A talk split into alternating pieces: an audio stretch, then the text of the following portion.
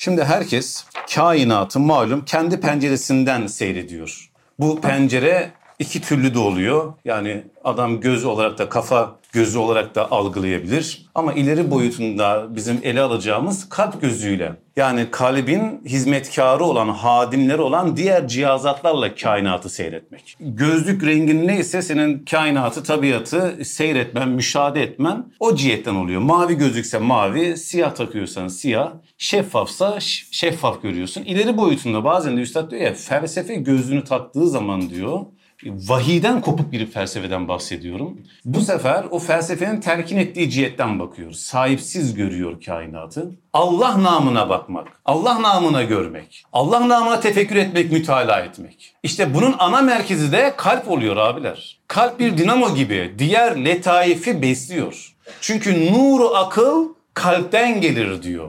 Ne demek? Aklın nuru kalpten gelir. O zaman demek ki burada kalp güneştir. Güneşse güneşten ne gelir? Ziya gelir. Ana ışık odur. Peki nur nereden gelir? Kamerden gelir, aydan gelir. Yani kamer güneşten beslenir. Güneş kalpse akıl ne oluyor? Ay oluyor değil mi? Kim nereden besleniyor? Demek ki o zaman bizim aklımız kalpten beslenecek. Senin kalbinde pişenlere akıl tercümanlık yapıyor. Senin kalbinde pişenlere dil tercümanlık yapıyor. Yani onun çizmiş olduğu, belirlemiş olduğu mizancıklarla kainatı görmeye başlıyor. İşte bakalım kalbimiz nasıl bir durumda? Senin bu kalp dediğin evet vücuda maddi cihetle baktığın zaman vücuda kan pompalıyor değil mi? O devir daimi sağlıyor. Seni ayakta tutuyor bir cihette. Ona vesile oluyor. Aynı şekilde kalp maddeden öte manevi hayatı da ayakta tutuyor. Manevi hayatın da ab hayatını, ana gıdasını oradan temin ediyorsun. O zaman demek ki kalbi nasıl ki kanla besliyorsun, kan olması lazım ki devir daim olsun. Kalbe manevi cihetten de gıdalar koyman lazım. İşte o kalbin kanı neyse manevi cihetten de kan olması hasebiyle değerlendir. Marifetullah, muhabbetullah, değil mi? Sünnetullah, ibadetullah, mehafetullah, Allah'ı tanımak, Allah'tan korkmak, Allah korkusu. Bu Allah korkusu beni cehennemde yakar anlamında değil daha ileri boyutta Allah'ın iltifatını kaybetmek, onun teveccühünü kaybetme korkusu, onun rızasını kaybetme korkusu. O zaman şu kalp nedir? Kalbimiz ne durumda? Biraz onu konuşmamız lazım. Çünkü şu kalp ya secere-i tuğba olacak, bir cennet ağacı olacak veya bir cehennem ağacı olan secere-i zakkum olacak. Hangisi? Bu dünyada yaşayışında bunu belirleyeceksin. Kalbin diyor ihtiyacat yani ihtiyaçlar sayıkasıyla ihtiyaçların yönlendirmesiyle alemin envaiyle bizim alakadar olduğumuz belki de her şeyiyle eczasıyla pek çok alakaları var. Bir meyve tüm ağacın yapılarına ihtiyacı olduğu gibi, güneşe, havaya, suya, toprağa ihtiyacı olduğu gibi insan da aynı şekilde her şeye muhtaç mıdır? Her şeyle alakadar mıdır? Evet. Peki bu ihtiyaç duyduğu şeyler nedir? Esma-i Hüsna'nın bütün nurlarını diyor insanın kalbinin ihtiyaçları vardır. Çünkü her şey onundur. Malikül mülk odur. Üstad öyle yaparmış ya. Araçla gittiklerinde bir tarla gördüğü zaman üstad arabayı çektirir. Şöyle bir araziye, tarlaya falan bakar. Oh ben meyvesini aldım.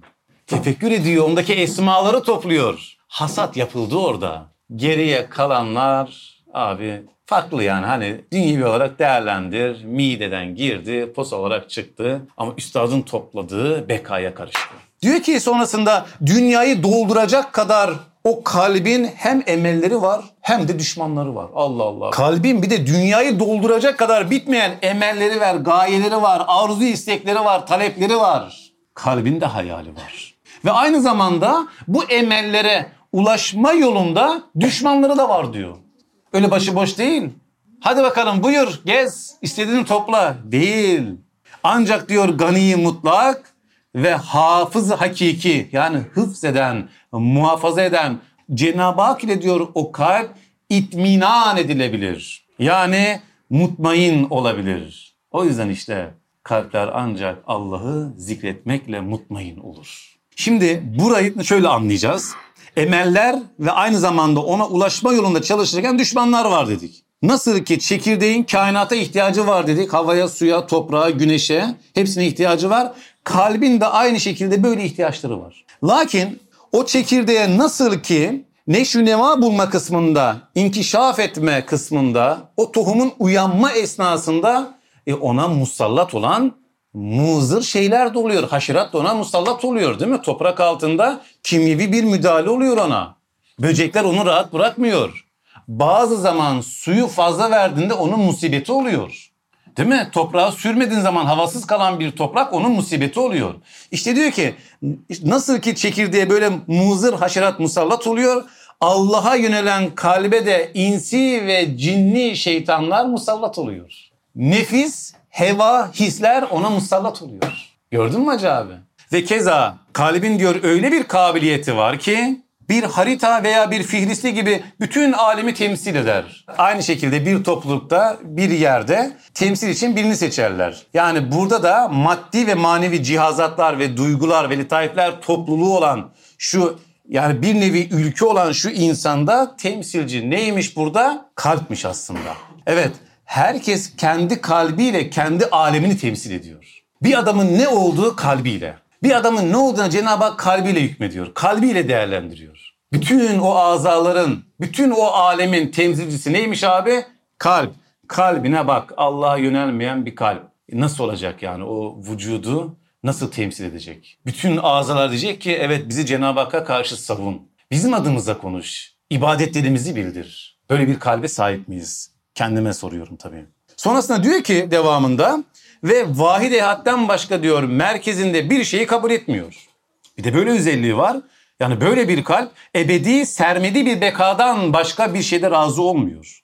Bu vahid ehat dediğimiz ne? Ona başkasına başka bir şeye ihtiyacı olmuyor. Sadece onunla razı oluyor. Vahid ehad birliği, terbiyesi, idaresi ve tasarrufu her şey tecelli ettiği gibi bir olan bir şeye de, tek olan şeye de tecelli etmesi. Bak şu ışık çevirsem herkese vurur. Bu vahidiyet ama herkeste farklı tecelli etmesi ehadiyet. Birlik içinde birlik. Yani her türlü kendi aleminde de kainatta da tek bir muhatap istiyor. O da sermediği olacak, bekadan başka bir şey olmayacak diyor. Ona teslim olur bu kalp, ona tevekkül eder, sadece ona iman eder. İşte bu beka yolculuğunda en büyük musibetimiz fanilik oluyor. Fani şeyler beka süsüyle karşımıza çıkıyor. Allah'tan yönümüzü çeviriyor. Sonsuz sevme kabiliyeti verilen şu kalp sonsuzlukla tatmin olacakken fani mührü olan her şey kalbini bağlıyor.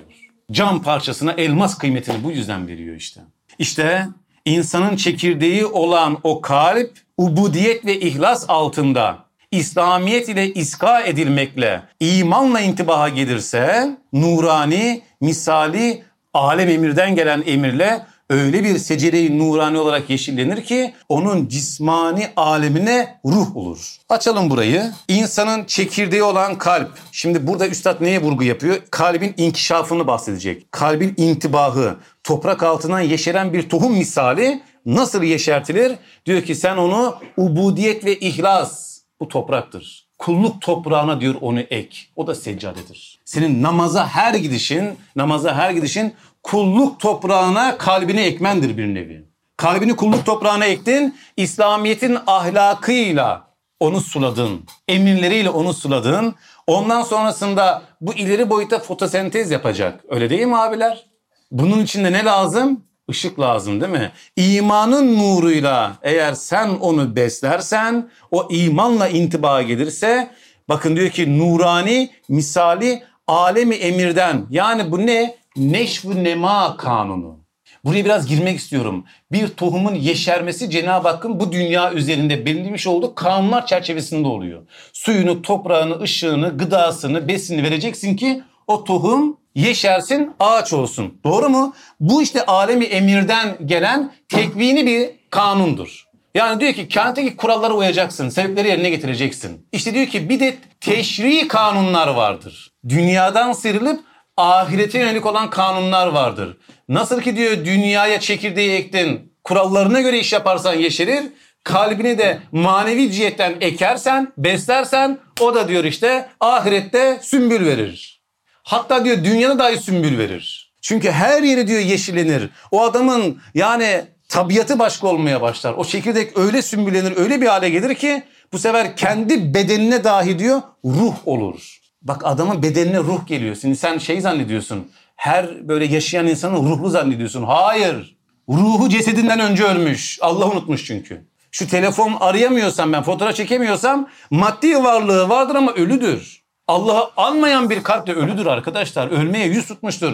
Kuruyor diyor zaten. Biraz da ona geleceğiz şimdi. Aynı alemine bak. Ondan sonra adamın hayatına bu teşri kanunlarla kalp nurani bir ağaç olursa bu sefer ne oluyor biliyor musun? Hayaline, evine, eşine, çocuğuna, dostlarına hepsine bakışı farklılaşıyor. Yok olmayacak birilerini seviyor. Cenab-ı Hakk'a ulaştıran vasıl olarak onları görmeye başlıyor. İman nazarıyla onlara bakıyor. Bak nasıl bir hale geldi ya. Musibetler onun canını çok sıkmıyor. Çünkü her şey Cenab-ı Hak'la intisaplı, bağlantılı bir şekilde ve intikal dünya ahiret dengesinde git gelleri çok çabuk oluyor. Refleks haline geliyor. Muazzam bir yaşam stili bu. Şu an böyle o kadar çok farklı yaşam stilleri var ki yaşam koçları neler neler sunuyorlar. Yok işte polyanacılık, yok şöyle yapın, olaylara böyle bakın, kafaya takmama sanatı falan. Ya geç abicim bu işi ya. Yani bak şimdi burada kir olsa toz toprak buraya attığım zaman temiz olmadı, temiz göründü. Değil mi? Biz temizlemek istiyoruz. Ve biz zaten muhatap olmak istiyoruz. Allah namına bakarsan muazzam bir şey. İnşallah o yönden böyle bir yeşillenme yaşarız. İnşallah bunu da böyle hakikatiyetiyle hayatımızı uyarlarız. Burada bir yöntem konuşuyoruz. Bu ders bir yöntem. İşte Risale-i Nurlar bunları açıyor. Neden Risale-i Nur okuman gerekiyor? Bunu anlatıyorum burada ben. Evet şu an teorik olarak söyledik ama pratik kısmı nasıl olacak? Okuyacaksın baba. Okuyacaksın ya. Ya şimdi havucu sana gösterdim. Anlattım sana havucu. Dedim ki havucu toprağa şöyle ekersen, şöyle yaparsan, böyle olursa şöyle yetişir. Bitti mi? Ne yapıyorsun? Aklı olan adam havuca ihtiyacı varsa gider eker be kardeşim. Araştırır ya nasıl olduğunu. E şimdi senin kalbinin böyle bir yeşermeye ihtiyacı var. E buna muhatap oluyorsun. Bunu dinliyorsun. E bir zahmet be kardeş ya. Bir zahmet be.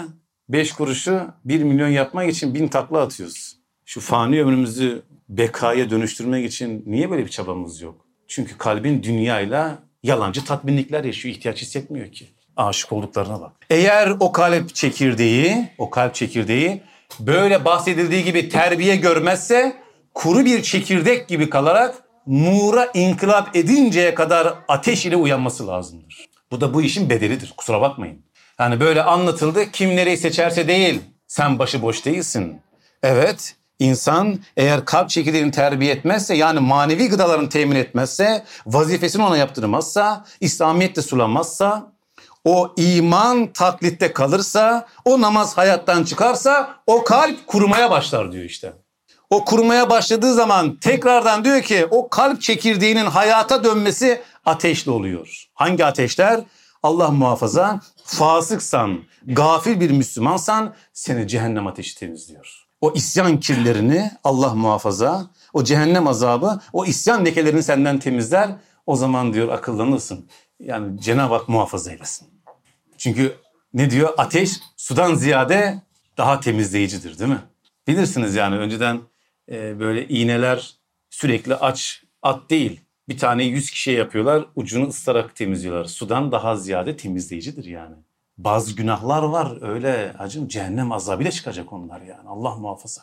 Ama bir de dünyevi ateşler var ama o ateşler çok güzel ateşler abiler. Kalbi yeşerten ateşler, pişmanlıklarımız. Onlar da kalbin ateşidir. Onlar nuranidir. O belalar, musibetler, çektiğimiz sıkıntılar, Allah için gözyaşı dökmek, çile çekmek böyle, o azap içerisinde Allah'tan başkasına müracaat etmeme hali.